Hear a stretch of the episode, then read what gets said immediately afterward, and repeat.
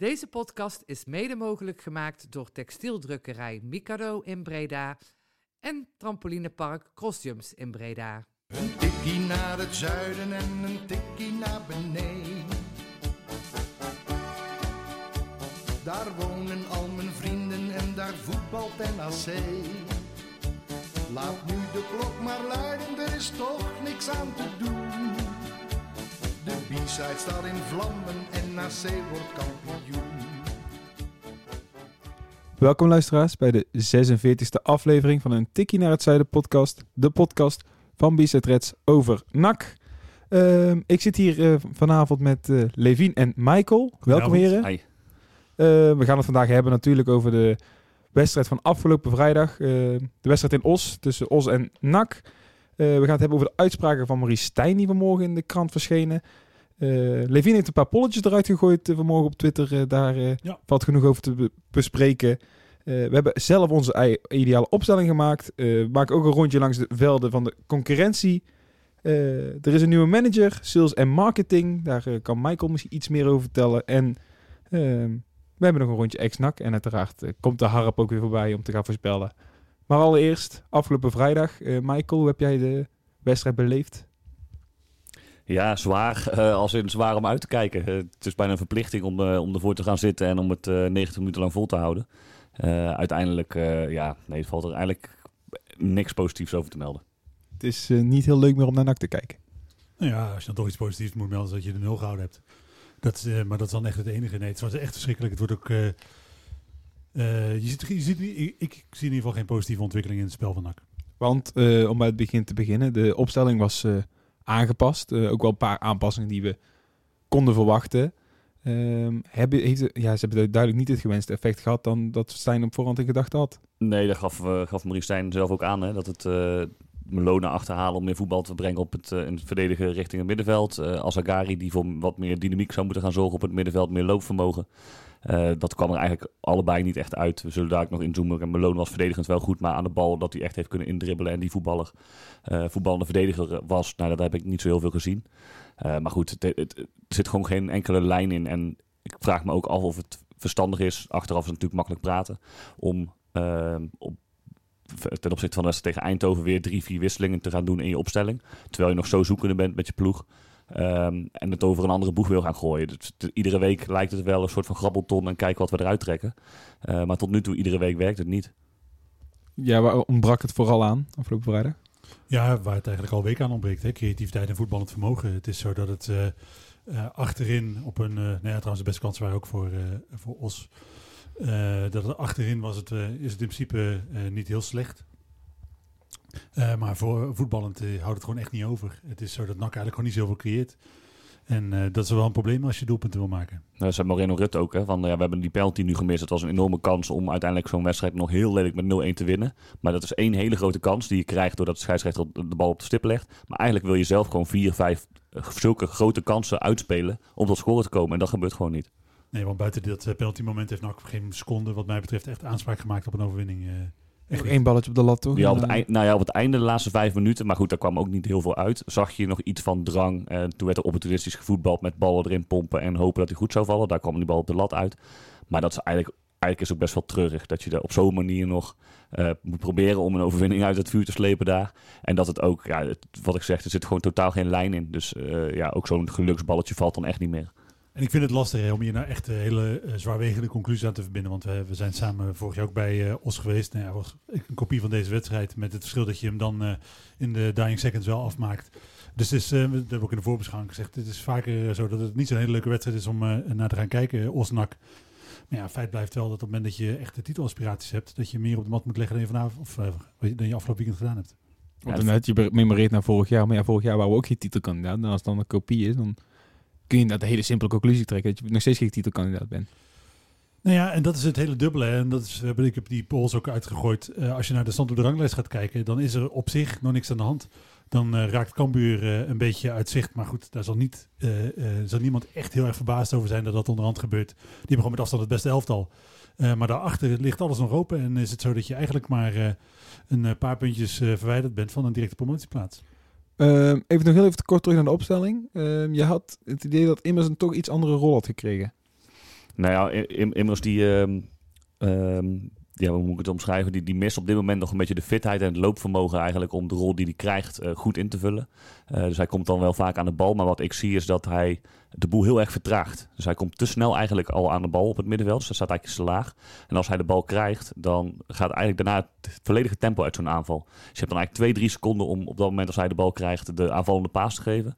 Dat doet hij niet. Vervolgens staat eh, de, de verdediging van Os eh, goed op de plek en dan gaat een balletje breed. Viel me heel erg op dat, dat hij heel lang, eh, vaak heel lang de bal vasthield, waardoor het spel echt enorm vertraagde.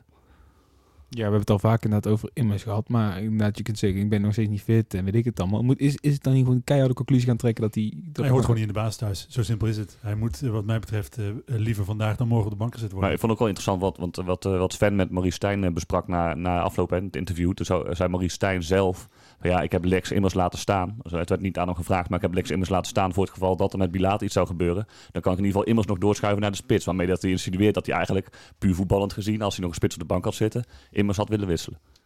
Weet je, eh, Immers is, eh, en dat zag je denk ik in eh, de eerste wedstrijden waar hij wel fit was, iemand die met zijn krachten moet kunnen smijten. Die moet eh, eh, er gewoon inkleunen, die eh, brengt op die manier fysiek iets extra's. Want zijn, ja, wat, wat, waar, wat hij, waar hij vroeger goed in was, doelpunt en assist, dat, zit er gewoon niet meer in op, op dit moment. Althans, niet op dit moment in de competitie.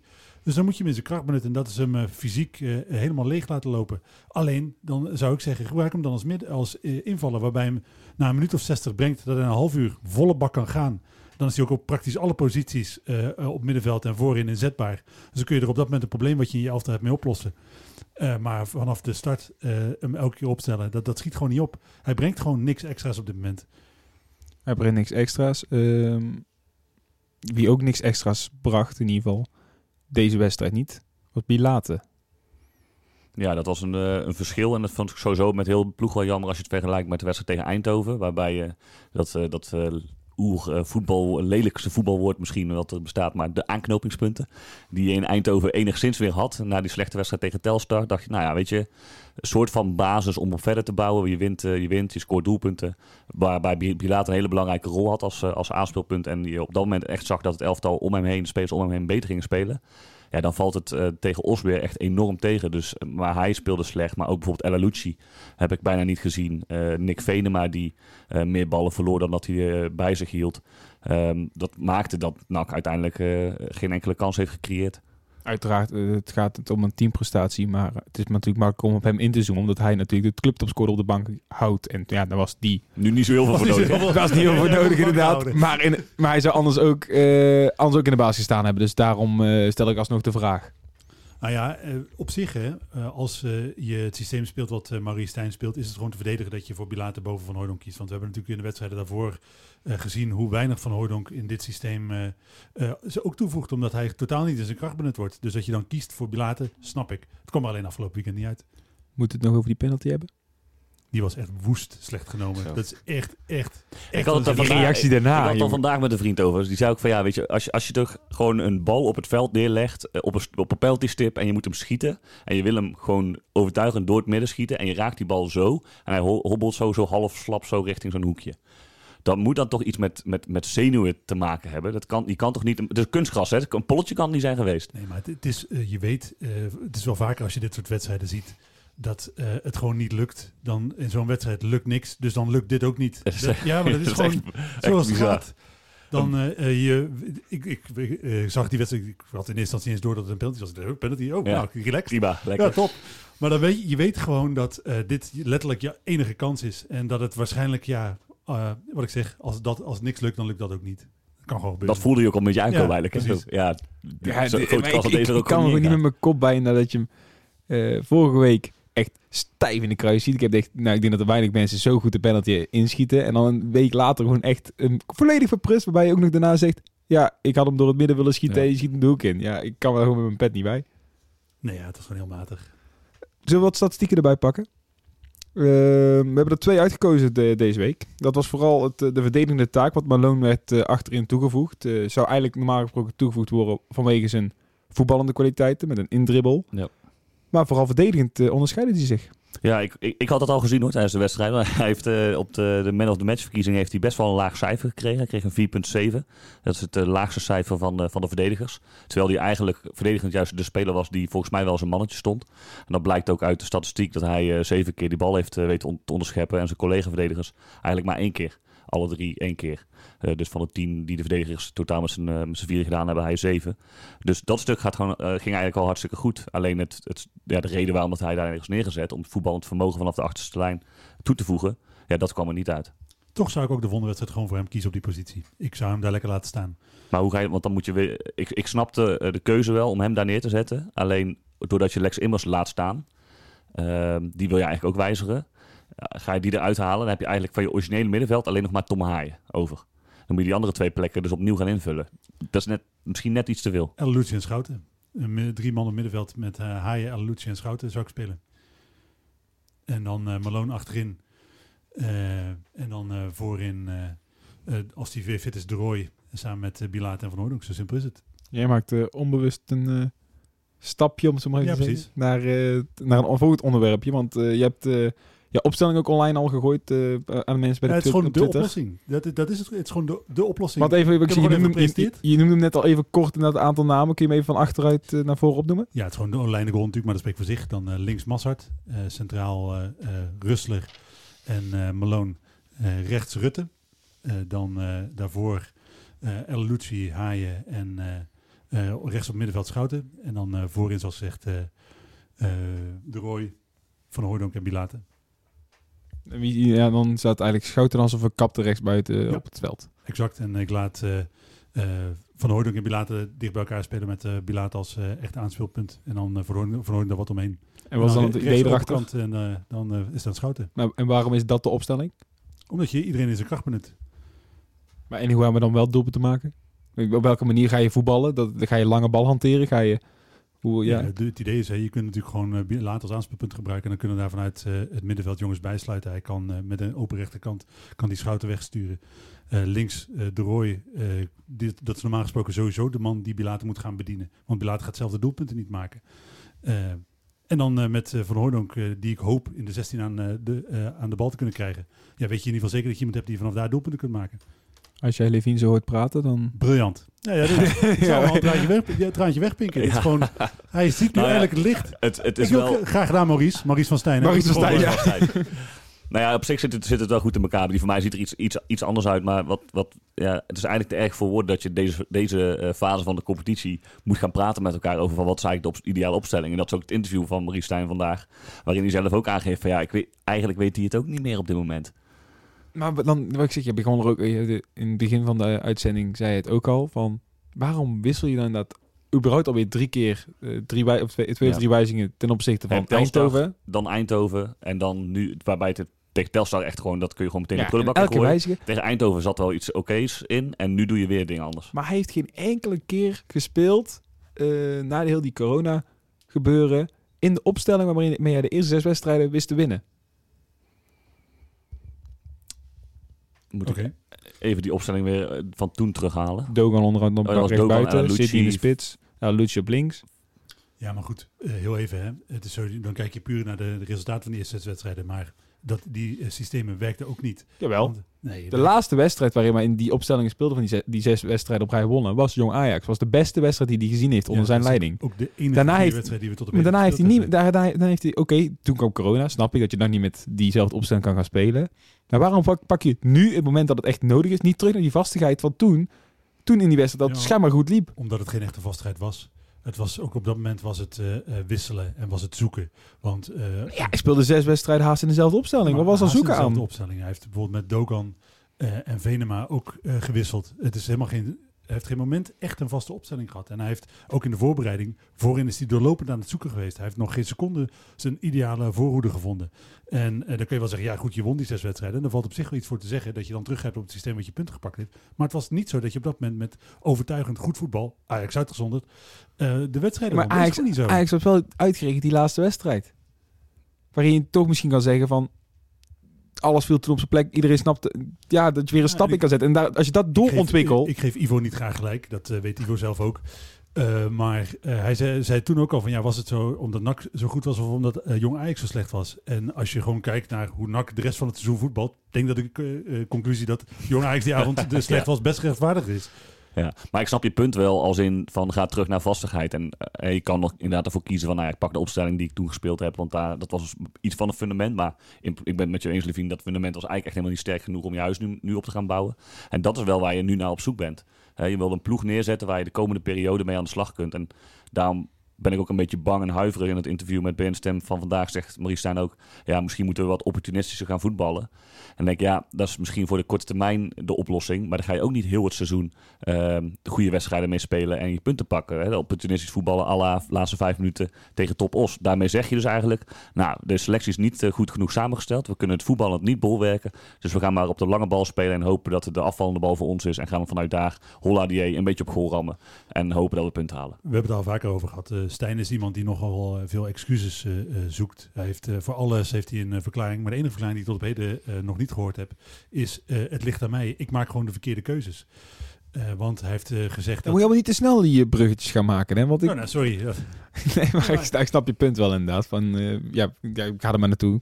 Maar het is gewoon heel makkelijk wat, wat hij doet. Want ik, eh, eh, eh, de reden dat voor, mij, een van de voornaamste redenen dat wij op dit moment nog niet presteren, is omdat hij per definitie kiest voor doelpunten voorkomen als hij verse doelpunten maken.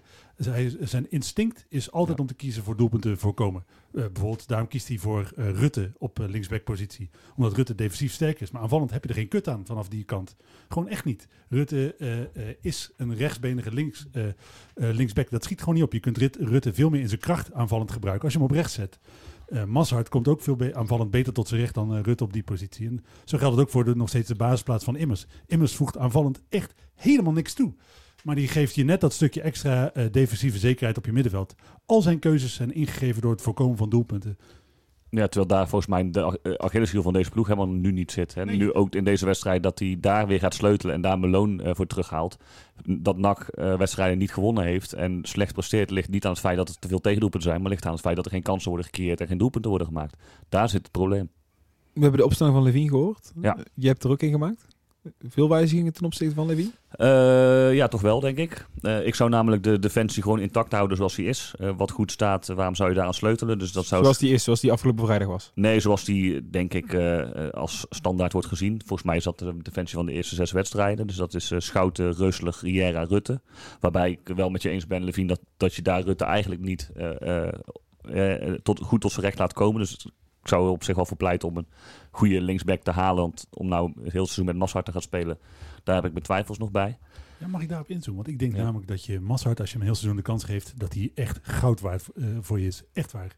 Alle dingen die hij tekort komt, kun je hem prima trainen en met ervaring eh, laten verbeteren. Maar goed, ga Ja, nou ja, Ik ben het ook mee- vooral in de eerste divisie, even om Maschat inderdaad in te haken. Vooral in de eerste divisie ben je nou, eigenlijk zeker 7 van de 10 wedstrijden ben je de bovenliggende partij. Dan heb je echt veel meer aan een beter aanvallende. Nou, nak niet hoor. Nee, maar in principe heb je meer kwaliteit, waardoor je in 7 van de 10 wedstrijden de betere partij zou moeten Ja. zijn. Maar goed, dus Olij, dan eh, Rutte, eh, Riera, eh, Rustler en eh, Schouten. Ja. Ik zou Meloon als eh, verdedigende middenvelder neerzetten. Nu staat daar heel vaak Haaien als eh, eh, meest eh, verdedigende middenvelder. Maar dat zou voor wat mij betreft echt Meloon moeten zijn. Dan daarvoor eh, Tom Haaien en eh El Alouchi. Buffons rechtsbuiten. Op basis van het weinige wat ik van hem gezien heb. Maar ja, weet je... Die ene goal, ja. ja, als dat zijn niveau is. Nou, en, en ook wel bijvoorbeeld tegen Go Ahead Eagles van die kleine dingetjes. Dat hij naar binnen trekt, even een goed schot lost. Dat soort dingen. En er mag ook wel wat... wat eh, eh, er mag wel wat, wat spelvreugde. eh, We hebben een beetje tussen die linies lekker pielen. Nou, laat hem maar lekker doen. Plus hij is een linkspoot, dus die komt veel naar binnen. Kan schouten eroverheen. Dat is een beetje het idee. Bilaat is mijn spits en dan linksbuiten de Roy. Oké. Kun je daar ook nog in vinden, Levine? Of zeg je nou... Ja, behalve dan dat hij minder is. nee, ja, goed, ik snap het idee wel. En eh, ook in, die, in jouw opstelling eh, moeten de doelpunten natuurlijk niet van eh Bilaten komen. Die moeten van eh Buffons en eh De Roy komen, denk ik, of niet? En misschien eh El nog erachter. Ja. Ja. Ik, eh zou ik mij ook nog even opnoemen dan? ja, graag. Eh, ja, Olij in de goal, verrassend. Eh, achterin Schouten, Russler, Riera, Maschart. En dan heb ik het middenveld heb ik een, eh, iets anders ingestoken. Dus wel Malone inderdaad eh, voor de verdediging. En dan Rutte en Haaien ervoor.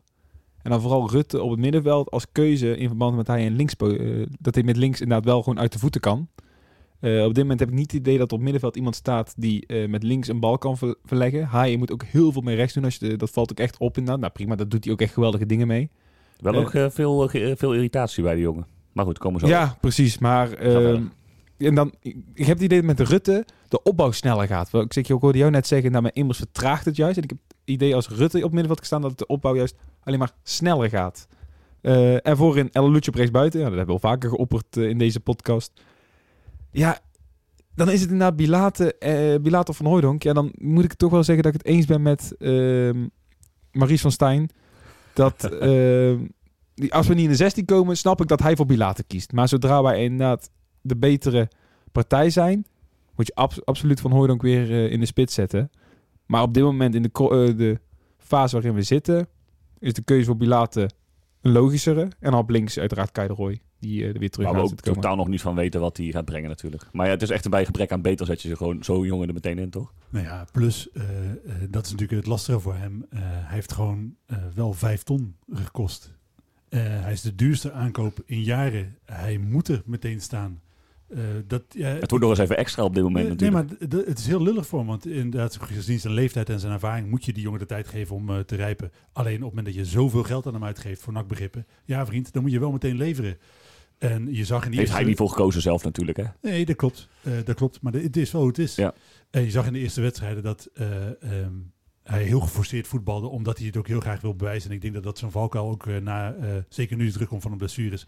Hij moet tijd krijgen, maar ik merk zelf ook dat ik het heel lastig vind hem die tijd echt te geven. Maar hij Maar- kan 11, hij kan 10 eh, onbekende Eindhovenaren, om zo maar te zeggen, kan hij bij de hand nemen. Dan kan hij natuurlijk ook eh 10 struggelende nakkers bij de hand nemen. Ja, maar dat is, het is voor hem was het veel fijner geweest, uiteraard. Het is een, eh, open deur, maar het is op het moment dat dit elftal lekker draait en, eh, en, je, en je maakt elke wedstrijd drie, vier doelpunten, dan kun je hem ook nog eens als invallen Ja, brengen in de eerste twee wedstrijden. Nu, als hij straks, ik weet niet of dat hij gaat spelen eh, in de basis of dat hij in de rust inkomt of noem het maar op, zijn alle ogen meteen op hem gericht. Want hij moet nu een beetje de verlosser worden van dak, want alle andere spelers daar gaat het niet mee gebeuren. En dat is natuurlijk een super onrealistisch verwachtingspatroon. Ja. Maar dat is wel wat het, wat het is. En dat is... eh, Succes. Ja, ja nee, maar, Maar dat is ook een beetje het geval bij NAC. Hè. Als- Dat is al snel dat als je voor 5 ton een speler haalt, dan hoor je, eh, dan ben je al snel het mannetje bij NAC. Dus dan, krijg, dan neemt dat die druk altijd al met zich mee, ongeacht de situatie waarin je zit. En Michael heeft wel gelijk op dat het een lekker draaiend elftal was geweest. En eh, eh, bijvoorbeeld iemand als Immers gewoon eh, goed gespeeld had. En daarmee natuurlijk leider in de kleedkamer was geweest. Ik denk hij zal het nu gewoon waar- qua, qua, qua ervaring nog steeds wel zijn. Maar ik neem ook aan dat de spelers wel steeds met name gaan kijken. Ja vriend, Ja. misschien ben je wel echt een beetje klaar. dus de, de hiërarchie in dat elftal en de, de, de saamhorigheid en het echte een homogene groep. Ja, ik heb daar op dit moment een beetje mijn, mijn twijfels bij. Eh, en eh, dan is het voor zo'n jongen als Roy gewoon echt lastig om in eh, zo'n eh, elftal het helemaal zelf voor elkaar te moeten boksen om je niveau en vorm te vinden. Wie denk jij dat nu in de kleedkamer de zaken bepalen? Ja, normaal Haaien. Olij. Eh, Malone denk ik toch ook. Want eh, ik vind hem in alles wel, ook als je hem voor de camera ziet, ik kan natuurlijk moeilijk inschatten hoe dat eh, in de kleedkamer is. Maar hij straalt wel echt uit dat het een aanvoerder is wat mij betreft. Is het iemand die de vuist op tafel slaat? Weet ik niet zo goed. En dat heb je bij Haaien en Olij wel. Ja, klopt. Klopt. Want jij eh, wilde er al naartoe. Haaien is geïrriteerd. Ja, merk ik al een paar wedstrijden. Eh pak natuurlijk heel veel gele kaarten op dit moment. Er worden wel eens, en dat is eh, omdat je in het stadion zit zonder publiek, hoor je ook van alles. Ik heb Haaien al zien bekvechten met Maurice Stijn. Ik heb Olij al dingen lopen schreeuwen waarvan je gewoon nu met duidelijkheid of met zekerheid kan zeggen dat er in het elftal van een goede sfeer, als zij een wedstrijd aan het spelen zijn in ieder geval, totaal geen sprake is. En dan was, het wel, was ik wel verrast over het feit dat Maurice Stijn deze week aangaf... Joh, op de trainingen gaat het hartstikke goed en leukere, lekkere aanvallen... en, en doelpunten worden links en rechts eh, binnengeschoten. Ja, dat had, ik niet verwacht. Eh, dat, dat zou dan nog een soort van hoop zijn. Van, nou, Oké, dan kunnen de jongens het wel. Maar ik heb niet het idee dat, eh, dat spelers nu met heel veel zin naar de club toe rijden. Een naam die ik bij jullie niet voorbij heb horen komen, en bij mezelf ook niet in de opstelling, is Dogan.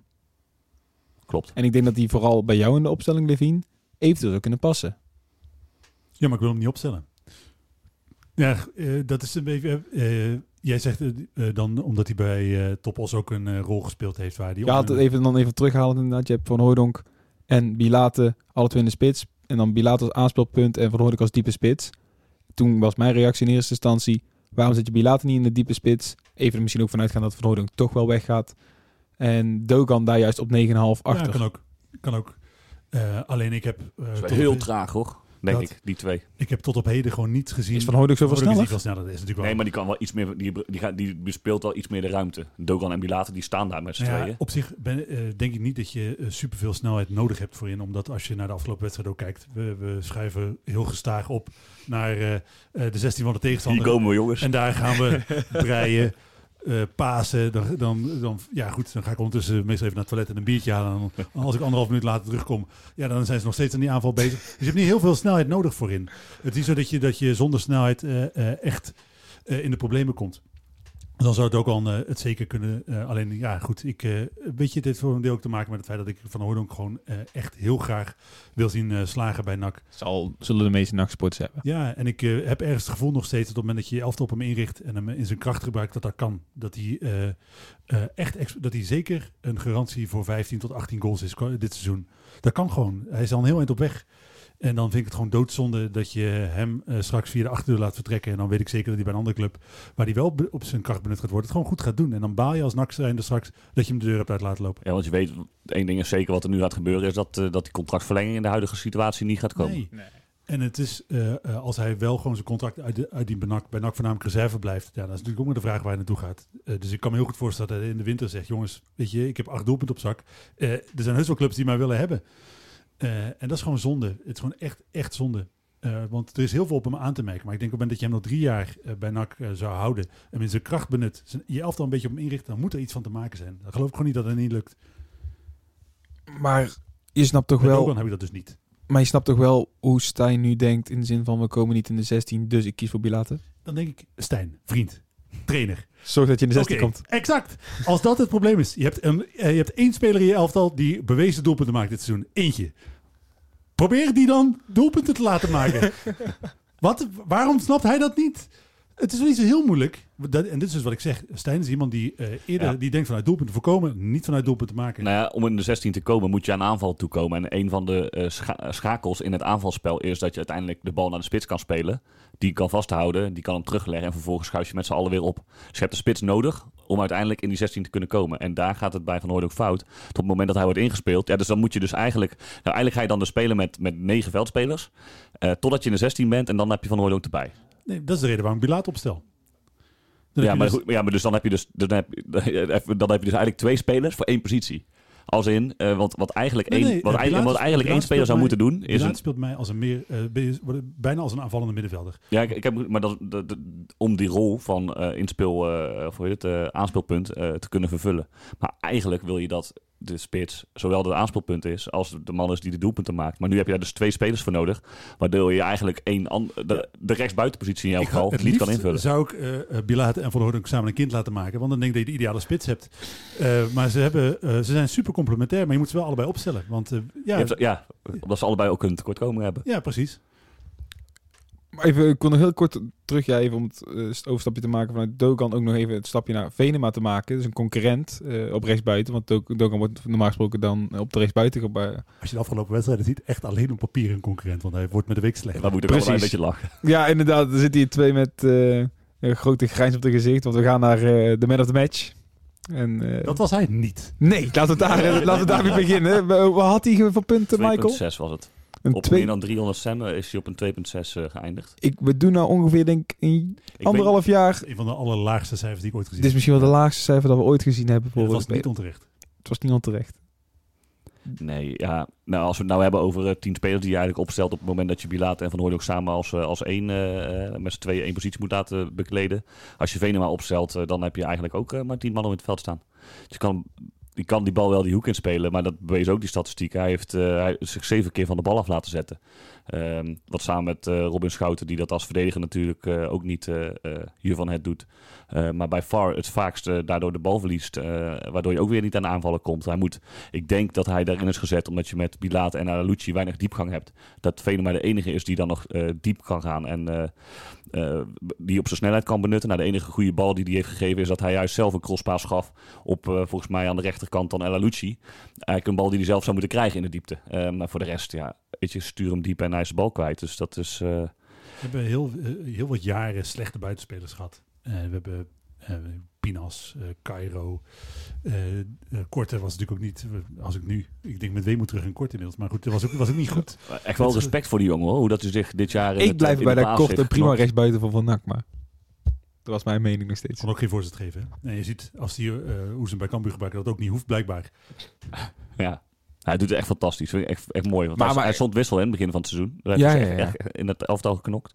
En nu dat- gewoon een speler. gewoon, blijkbaar is het voor NAC heel lastig om spelers voor die positie te halen die iets, mee, die, die, iets kunnen brengen. Want Maar ja, kom op, ik, aan een- we hadden allemaal al zoiets die gehaald werd. Oh, oké, een spits. Nee, ik zei Stijn, we gaan hem voor rechtsbuiten gebruiken. Toen had, ik, al- had iedereen eigenlijk al zoiets van, hmm, wat ziet Stijn wat wij niet zien? En dan achteraf, eh, de- denk ik, had dan gewoon Stokkers gehouden. Want die heeft in dezelfde rol gespeeld bij, eh, eh, bij Fortuna en heeft het daar niet heel slecht gedaan. Goed, je hebt hem afgelopen weekend eh, eh, natuurlijk gezien. Eh maakte er weer een mooi doelpuntje. Ja, vanaf de rechtsbuitenpositie. Maar hij speelde wel in de spits. Maar ja, dat was, eh, die eh, was wel beter geweest, denk ik. Nou ja, het is een van de spelers die wel door Stijn zelf is gehaald. En dat hij nu zelf aangeeft van ja, ik weet niet of mijn selectie voldoende kwaliteit herbergt. Wat om fijn dat jij nou weer het bruggetje maakt. voor Oh. Ja, het, gaat ook gewoon lekker vloeiend, joh. Gaat allemaal vanzelf. Dat, eh, dat er weinig, misschien wel te weinig kwaliteit in deze selectie zit om bij de eerste twee, twee ploegen te gaan eindigen. Want dat is toch wel krom dat hij dat roept.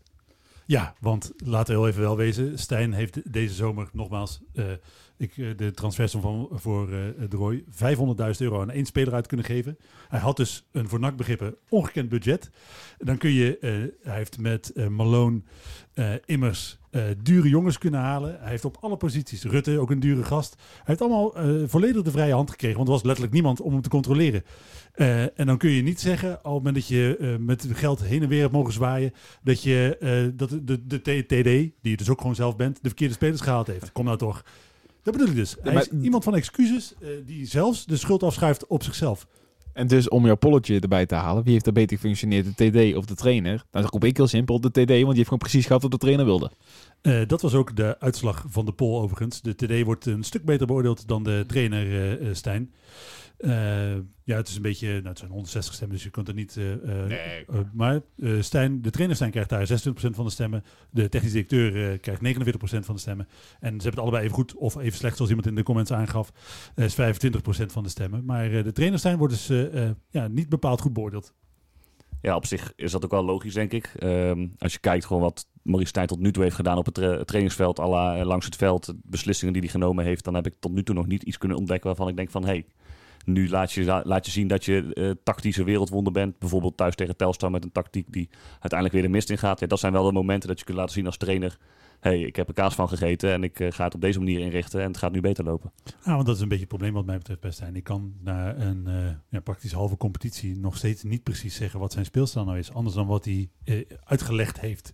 Maar ik zie het op het veld gewoon niet. Ik snap gewoon niet zo heel goed wat zijn voetbalidee is. Want In uitleg wel, hè? Want je In zegt, uitleg hij, wel, hij weet maar- het goed te verwoorden. precies, als hij mij niks verteld zou hebben, zou ik aan de wedstrijd niet kunnen zien wat Nee. hij nou precies wil. Want ik vind het wel een mooi contrast. Ik weet niet of jullie gisteren voetbal gekeken hebben. Daar zat eh, Frank de Boer. En die zei op een gegeven moment ook van... eh, tegen Italië uit ben ik weet- 5-3-2 gaan spelen. Nou, dat pakte goed uit.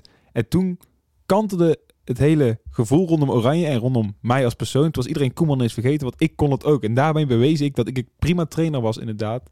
Om, ehm, ja, om, ook, het, om, ook als bondscoach te zijn. Was heel de tendens draaide toen om. Bij mij ook. Me- me- Merkte ik op dat moment dat ik dacht, nou ja, ook een goede zet geweest. Maar dat kan ook eh, gewoon helemaal verkeerd uitpakken. En dan, want het best wel eh, eh, moedig van Frank de Boer om die beslissing te nemen. Op het moment dat er niet een hele positieve sfeer om jou als persoon zit. En best wel wat druk op het, op het elftal.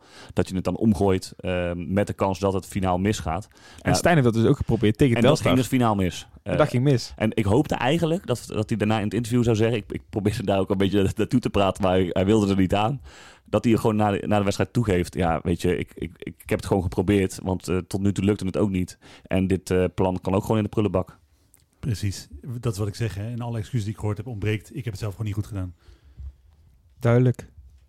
Even genoeg. Even Nou, wel een punt nog eh, om af te sluiten. Want hè, dan is automatische reflex bij veel mensen. Ja, moet hij dan ontslagen worden? Nee, Nee. natuurlijk moet Nee, zijn nee. ontslagen worden. Eh, echt niet. Er moet Sterker echt nog, niemand ontslagen nee. worden.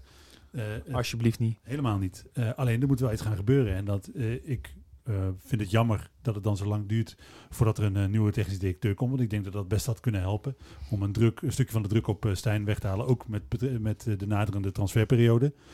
Ehm, Maar ja, goed, hij hoeft in ieder geval, ook als hij de technische directeur nog even op zijn laat wachten, zeker niet ontslagen te worden. Dat is absoluut de oplossing niet. Nee, daar Maar het zijn wel zijn eigen spelers nu hè, die hij gehaald heeft die- en die niet presteren. Dus ehm, ja, en wat je zegt, de, de wintertransfer komt eraan, eh, window komt eraan. Daar zal ongetwijfeld ook iets gebeuren gezien de situatie waar NAC nu in zit. Wellicht dat ze nog eh, de Spaanse enclave die eh, staat om in principe al klaar om te vertrekken.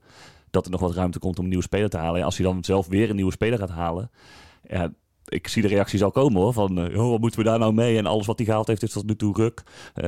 Ja, weet je, dat, dat- Ja, en dat is het natuurlijk, hè. Want dat wil je toch niet. In die situatie wil je Nee, helemaal niet zeker niet. En de druk gaat natuurlijk hoe dan ook toenemen. Want het is en blijft eh, NAC als er niet gepresteerd wordt. En daarom is de stand op de ranglijst eh, tot op zekere hoogte denk ik wel een dempende factor in de kritiek die Stijn eh, krijgt. Eh, maar het kan niet heel lang blijven duren op deze manier voordat mensen echt onrustig worden. En dat is niet omdat ik graag onrust zie bij, bij NAC, maar dat is simpelweg gewoon hoe het werkt. Ik denk dat ik het ben ook ook gewoon ongeduldig. Als het stadion vol zou zitten iedere week, nou ja, 16.000, misschien dat er nog 14.000 over waren op dit moment, dan was de pleuris denk ik al wel uitgebroken. Ja, zo werkt Maar het wa- dat, dit nou, je gaat, ook even, als je naar de concurrentie wilde ook gaan kijken. En dan krijg je inderdaad, natuurlijk wordt niet goed gevoetbald. Maar drie puntjes achter de plek twee. Ja, een Scorebordjournalistiek, weet ik, ja. op de graafschap dit weekend. Het is ik- scorebordjournalistiek, nee, maar weet ik. Maar Maar wat het eerste is dat je op, dit, op deze manier ga je er nooit komen. Er moet echt iets veranderen, wil je uiteindelijk bij die eerste twee gaan eindigen. Dat en eh, wat je nu ook zou willen zien is, eh, je wil een fundament leggen voor die eventuele promotie. Eh zijn ervoor dat je eh, promoveert, dan kun je met dit voetbal onmogelijk de eredivisie in. Kan gewoon niet. Ah, dat vind ik, dat vind Nee, ik maar- echt al heel ver vooruit Nee, kijken. Dat kun je is- echt niet zeggen. Nee, maar wat je wil Nee, maar wel, je, je, Nee, moet er wel ho, ho. naartoe werken. Eh, eh, Cambuur eh, kan volgend jaar, net zoals eh Emmen dat kon toen ze promoveren. eh Emmen promoveerde vanuit een heel heldere voetbalvisie en hebben daarmee gewoon zonder heel veel moeite overleefd in de Eredivisie. Omdat hun voetbalidee gewoon klopte. Eh Cambuur gaat precies hetzelfde gebeuren als die promoveren. Ja, maar wat, Ja, riep, maar- wat riepen we toen? Wat riepen we toen promoveerden met Stijn? Was ook, ach, dit elftal is nog niet misschien klaar voor de eredivisie. En dit en dat. En we zijn dit jaar gered door de uitzonderlijke kwaliteit van eh Angelino en eh, Manu Garcia. Zo simpel is het. Eh, daarna was, was het fundament er ook weg. Er lag toch geen, geen solide fundament onder dat elftal? Ja, daarna zijn we gewoon gedegradeerd. Ja, klopt. Ja, maar dat. Eh, eh, en wil je, eh, want dat is, dat is waar iedereen de, de mond van vol heeft, duurzaam promoveren, dan zal er een, een, grond, een fundament gelegd moeten worden. En dat is voor een deel in de lange, middellange termijn met een TD, maar ook gewoon in, in een, een simpele, heldere voetbalvisie die je ook En in de Eredivisie. Daar gaat het ook mis. Je bent de afgelopen jaar heb je de een en andere trainer versleten die elke compleet andere speelstijl hadden. Willem Wijs die tiki-taka wilde spelen, Ibala met zijn gegenpressing en nu heb je Stijn met ehm, Geen idee wat. Ja, we, idee wat. ja, laten we zeggen verdedigender voetbal. Compact of zo, weet ik veel. Moet het misschien nog een naampje gaan Ja, geven. want dat is het. Hè. Op het moment dat je nu, eh, eh, als je een heldere voetbalvisie hebt, dan kun je daar straks ook heel gericht spelers bij gaan zoeken. Nu ga je, als je promoveert, gewoon een aantal problemen oplossen van spelers die het niet goed gedaan hebben. Zonder dat je daarmee, eh, voor mijn gevoel, eh, eh, meteen weet waar het probleem ligt. En waar je nu eh, eh, spelers zou moeten aantrekken die je op dit moment nog mist. Ik zou het echt niet weten. Ter verdediging, een soort van verdediging, is, is- je hebt ook nog best wel wat eh, vuile was in deze selectie zitten. Eens, eens. Als je kijkt, eh Anwar Kali zit gewoon nog steeds op de bank. Eh Noblegas heeft volgens mij de handdoek in de ring gegooid wat betreft... zijn, Grappig als het overvuil was. Ja, le- leuk, ja. Was niet eens bewust. Voor wat betreft NAC, eh Nacho Monsalve, als hij eventueel fit is, dan, dan speelt hij misschien wat wedstrijden, maar daarna is het ook einde contract.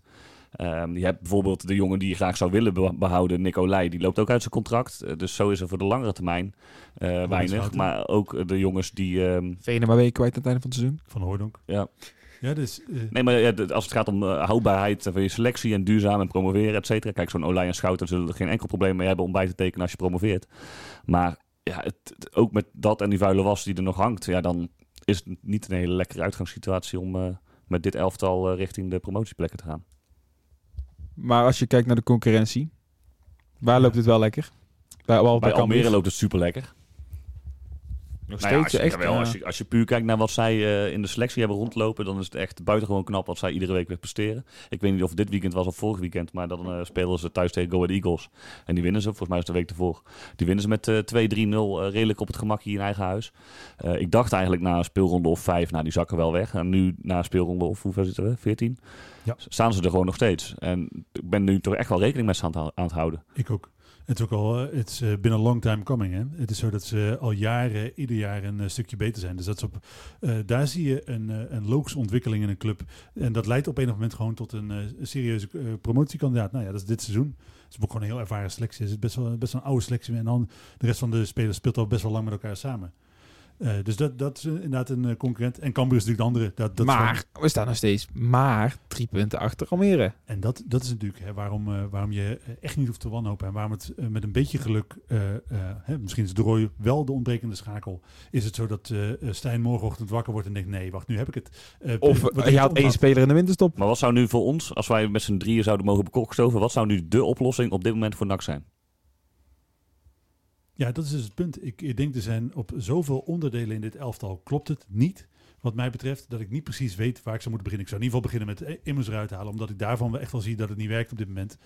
Uh, Venema, idem dito. Uh, maar dat is echt, dan, dan redeneer je negatief. Het is niet zo dat ik denk, met één of twee omzettingen hier kunnen we in positieve zin een verandering teweeg brengen. Dat, dat, daarvoor is gewoon op dit moment te veel mis ja, je gaat automatisch eigenlijk, hetgeen wat ik niet, niet wil, is weer uh, sleutelen aan je elftal. Dat neigt ernaar dat dat toch nog een keer moet gaan gebeuren. Want bijvoorbeeld Moreno Rut op het middenveld, uh, dat is dan mijn eye-opener voor vandaag. Dat vind, ik denk dat dat best wel, uh, als ik dan zeg, het Massa het vertrouwen geef, ik denk dat dat best wel een goede zet is. Maar dan ga je dus wederom aan je, aan je elftal sleutelen, waarvan ik hoopte dat dat na FC Eindhoven eigenlijk gewoon klaar was. Nee, maar je kunt nou niet na aflopen uh, vrijdag zeggen, we gaan lekker door op deze weg. Nee, maar daarom ben ik ook je niet, moet nu gaan daarom sleutelen. Ben ik ook, baal ik ook dat, uh, dat dat elftal weer is, om, uh, elftal weer is omgegooid. Maar daarom, en dan moet ik je, Janiek ook wel volgen, is het eigenlijk best wel, het is eigenlijk best wel relaxed dat je de luxe hebt, dat je nu nog ongegeneerd aan je elftal kunt sleutelen, omdat je toch de punten ja, blijkbaar pakt. Eigenlijk, ja. Het maakt dus geen hol uit, ook al heb je geen enkel voetbalidee, dan nog blijkbaar is je elftal goed genoeg om mee te doen bovenste platen. Dat is chill, want dat betekent namelijk als het wel draait, ja, dat wij fluitend kampioen gaan worden. Ik, ik kan me niet voorstellen, we zijn een 14 wedstrijden onderweg. Hoeveel wedstrijden hebben we in de keukenkampioen-divisie? 38. 38. Ik kan me niet voorstellen dat we tot de wedstrijd 38 waar we moeten gaan sleutelen aan ons elftal. Nou ja, dat is het, ook het fijne. Ieder elftal heeft over het algemeen een, een, of een periode in de competitie dat het wat slechter gaat. Nou, laten we die dan hopelijk nu gehad hebben. En dat je dan toch nog op uh, twee, drie punten van de rest staat. Um, bijvoorbeeld Almere heeft gewoon een goede serie gehad. Cambuur zit enorm in de flow. Als die dan nog een inzinking krijgen. De Graafschap lijkt nu uh, ook in een uh, mindere fase terecht te gaan komen. Um, ja, weet je, je staat er nog wel gewoon bij. Dus het, het zou een mooi moment zijn om nu, nu eens met dak. Ja, maar één keer vier, één keer vier wedstrijden op rij winnen en ik heb echt dat je zes punten voor staat. Nee, maar dat is, de, het is uh, daarom, mijn gevoel is een beetje tot de winterstop uh, tussen haakjes overleven. Gewoon zorgen dat je eigenlijk geen averij oploopt. Uh, en dan in de winterstop, ja, misschien is het inderdaad wel zo dat je met één of twee mutaties, selectie het aan de praat krijgt. Kijk wat hij vorig jaar deed. Ja, precies. Het kan, dus daarom is het ook... Het, het heeft voor mijn, mijn stemming heeft natuurlijk al voor een heel groot deel te maken met het feit dat het gewoon ongelooflijk bout was afgelopen weekend. Uh, maar ik weet ook dat op het moment dat ik twee keer uh, NAC met uh, 3-4-0 zie winnen, dat ik meteen weer heilig geloof in die grote markt. Ja, maar dat zo, zo dun is het wel gewoon. En dat is. Het is daardoor ben ik geen objectieve analist. Helemaal, en verre van zelfs. Ik ben een van de meest opportunistische analisten, denk ik, die zich met deze club bezighoudt. Maar dat is wel, ja, zoals ik, hoe ik als NAC-supporter werk. Ik uh, denk dat de wereld vergaat op het moment dat we uh, twee keer verliezen. En ik weet vrij zeker dat we binnen twee jaar Champions League winnen. Uh, of in ieder geval spelen op zijn minst. Als we een paar wedstrijden op rij winnen. Ja, niks meer aan toe te voegen volgens mij. Nou ja, we hebben zondag FC Dordrecht. Dat is een ideale tegenstander om de rassenplanist eruit kunnen hangen. Die goede gevoel te gaan echt gewonnen worden. Hè? Ja, als je die als je, verliest Als je die, die wint, dan is het wel... Dan, het, het is nu al de pleuris uitgebroken, maar dan is, echt, dan is wel de crisis wel weer uh, compleet. Hoe het zee wordt? Ja, tuurlijk. Ik vind nu eigenlijk al... de tijd van het jaar. Ik heb een hooivork ook alweer uit het vet gehaald. uh, maar wat vindt onze rasopportunist dan van uh, onze nieuwe manager sales en marketing? Ja. ja, dat moet een geweldige man zijn dan toch? ik heb eigenlijk geen idee. Ik, uh, uh, ik vond de foto die uh, Nakke voor hem gekozen ja, daar zag hij er niet super gelukkig uit.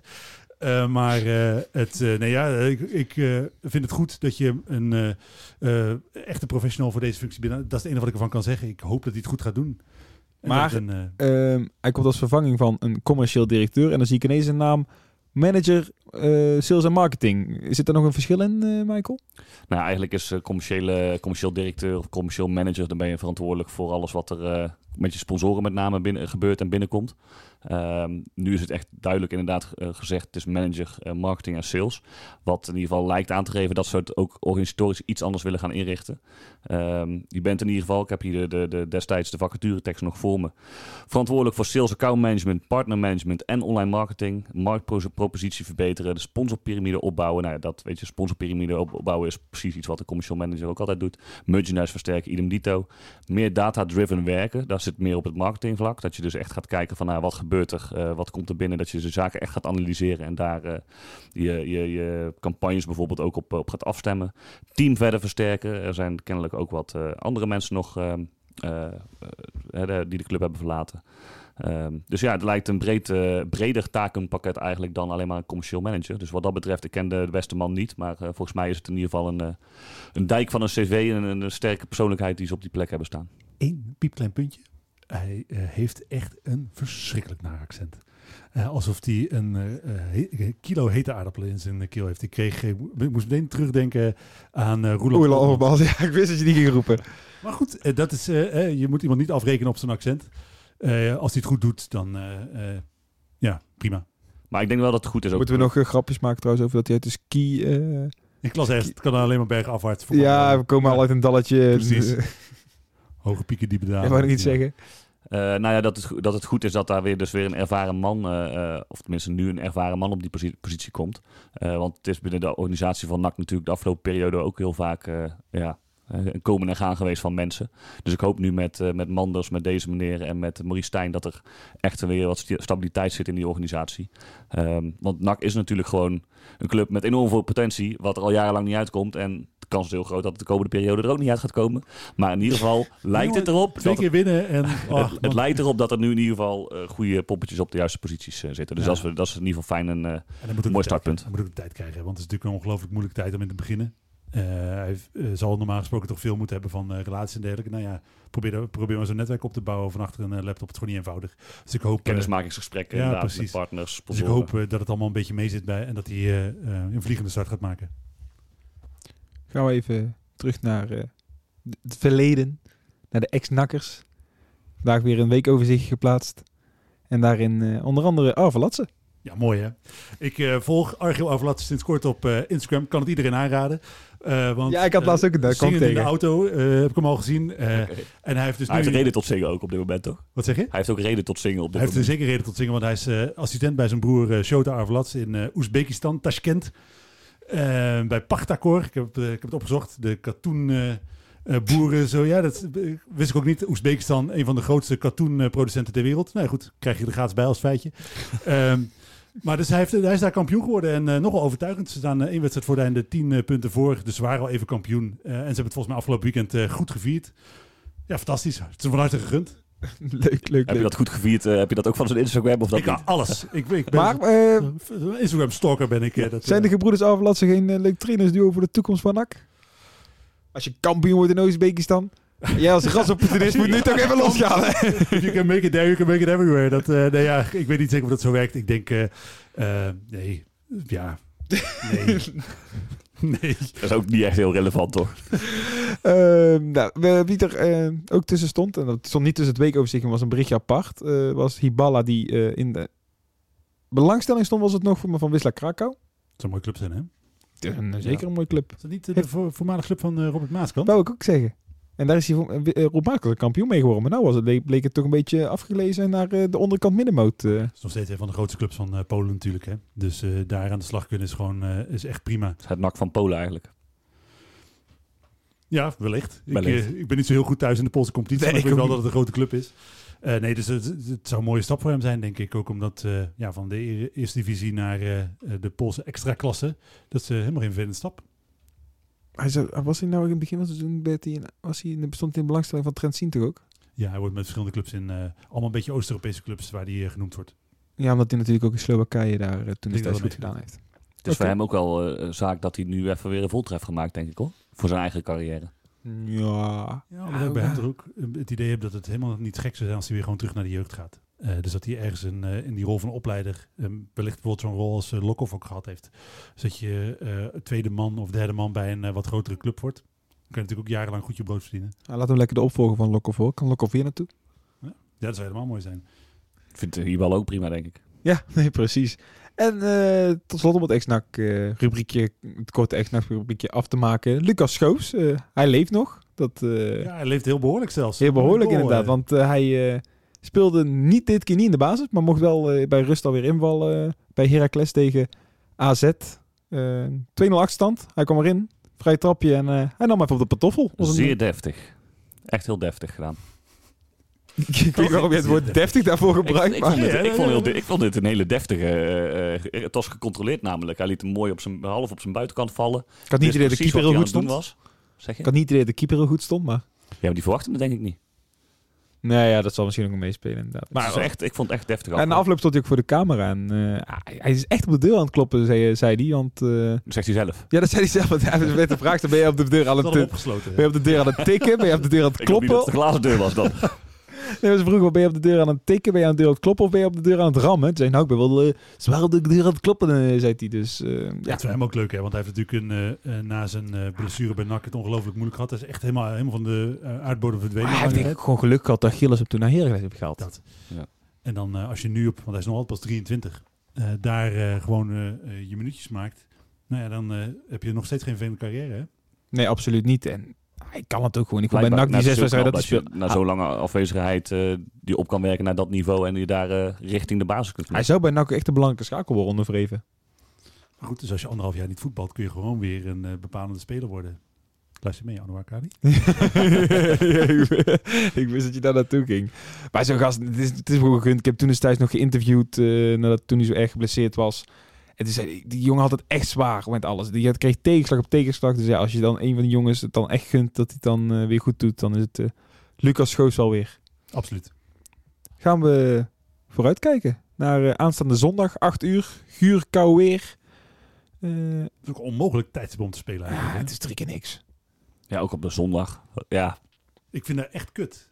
Ik vind, Ik vind zondag kwart vijf zo'n beetje het laatste wat ik wil spelen, heel eerlijk gezegd. vind, ik, want vind ik dan- ook al niks. Nee, dat is ook al niks, maar als je dan, dat valt nog mee. Maar zondagavond 8 uur, dus ja, daar zit ik niet per se op een voetbal. Ja, ik vind voetbal leuk, maar Ja, op zich, omdat je dan toch thuis heb ik dan thuis maakt het wat minder uit. Maar als je nog naar een stadion had gemoeten, was het ook wel raar op een zondag.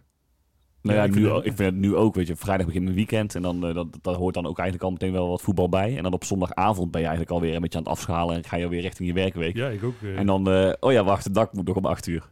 Een beetje op tijd naar bed en alles. Ja, goed. En, ja, eh, nee, ja. Maar goed, we doen het ermee. Zondag acht uur is het. Er eh, gaat toch door. gevoetbald worden, inderdaad. Er zal ook iemand voor Maar ons met naartoe frisse moeten. tegenzin, hè? Dus ik ga een beetje, ik ga wel kijken, maar ik ga het niet leuk vinden. We, we benoemden net al, eh, het C-woord zou vallen als er geen resultaat wordt gehaald. Dat, dat zie ik twee instemmende, instemmende gezichtjes. Eh, maar ik denk dat het vooral belangrijk is dat je aanstaande zondag het gevoel, een goed gevoel hebt richting het programma wat je daarna krijgt. Ja, maar ik denk dat een resultaat essentieel is voor dat goede gevoel. Ja, onder andere. Maar ik denk dat je met alleen een resultaat niet het goede gevoel gaat creëren op dit moment. Ligt een beetje aan wat voor resultaat het is, hè? Ja, En daarom. Dat, eh, winnen is eh, het allerbelangrijkste, maar ik denk dat het zou inderdaad wel echt lekker zijn als je een overtuigende 3 of 4-0 overwinning neerzet.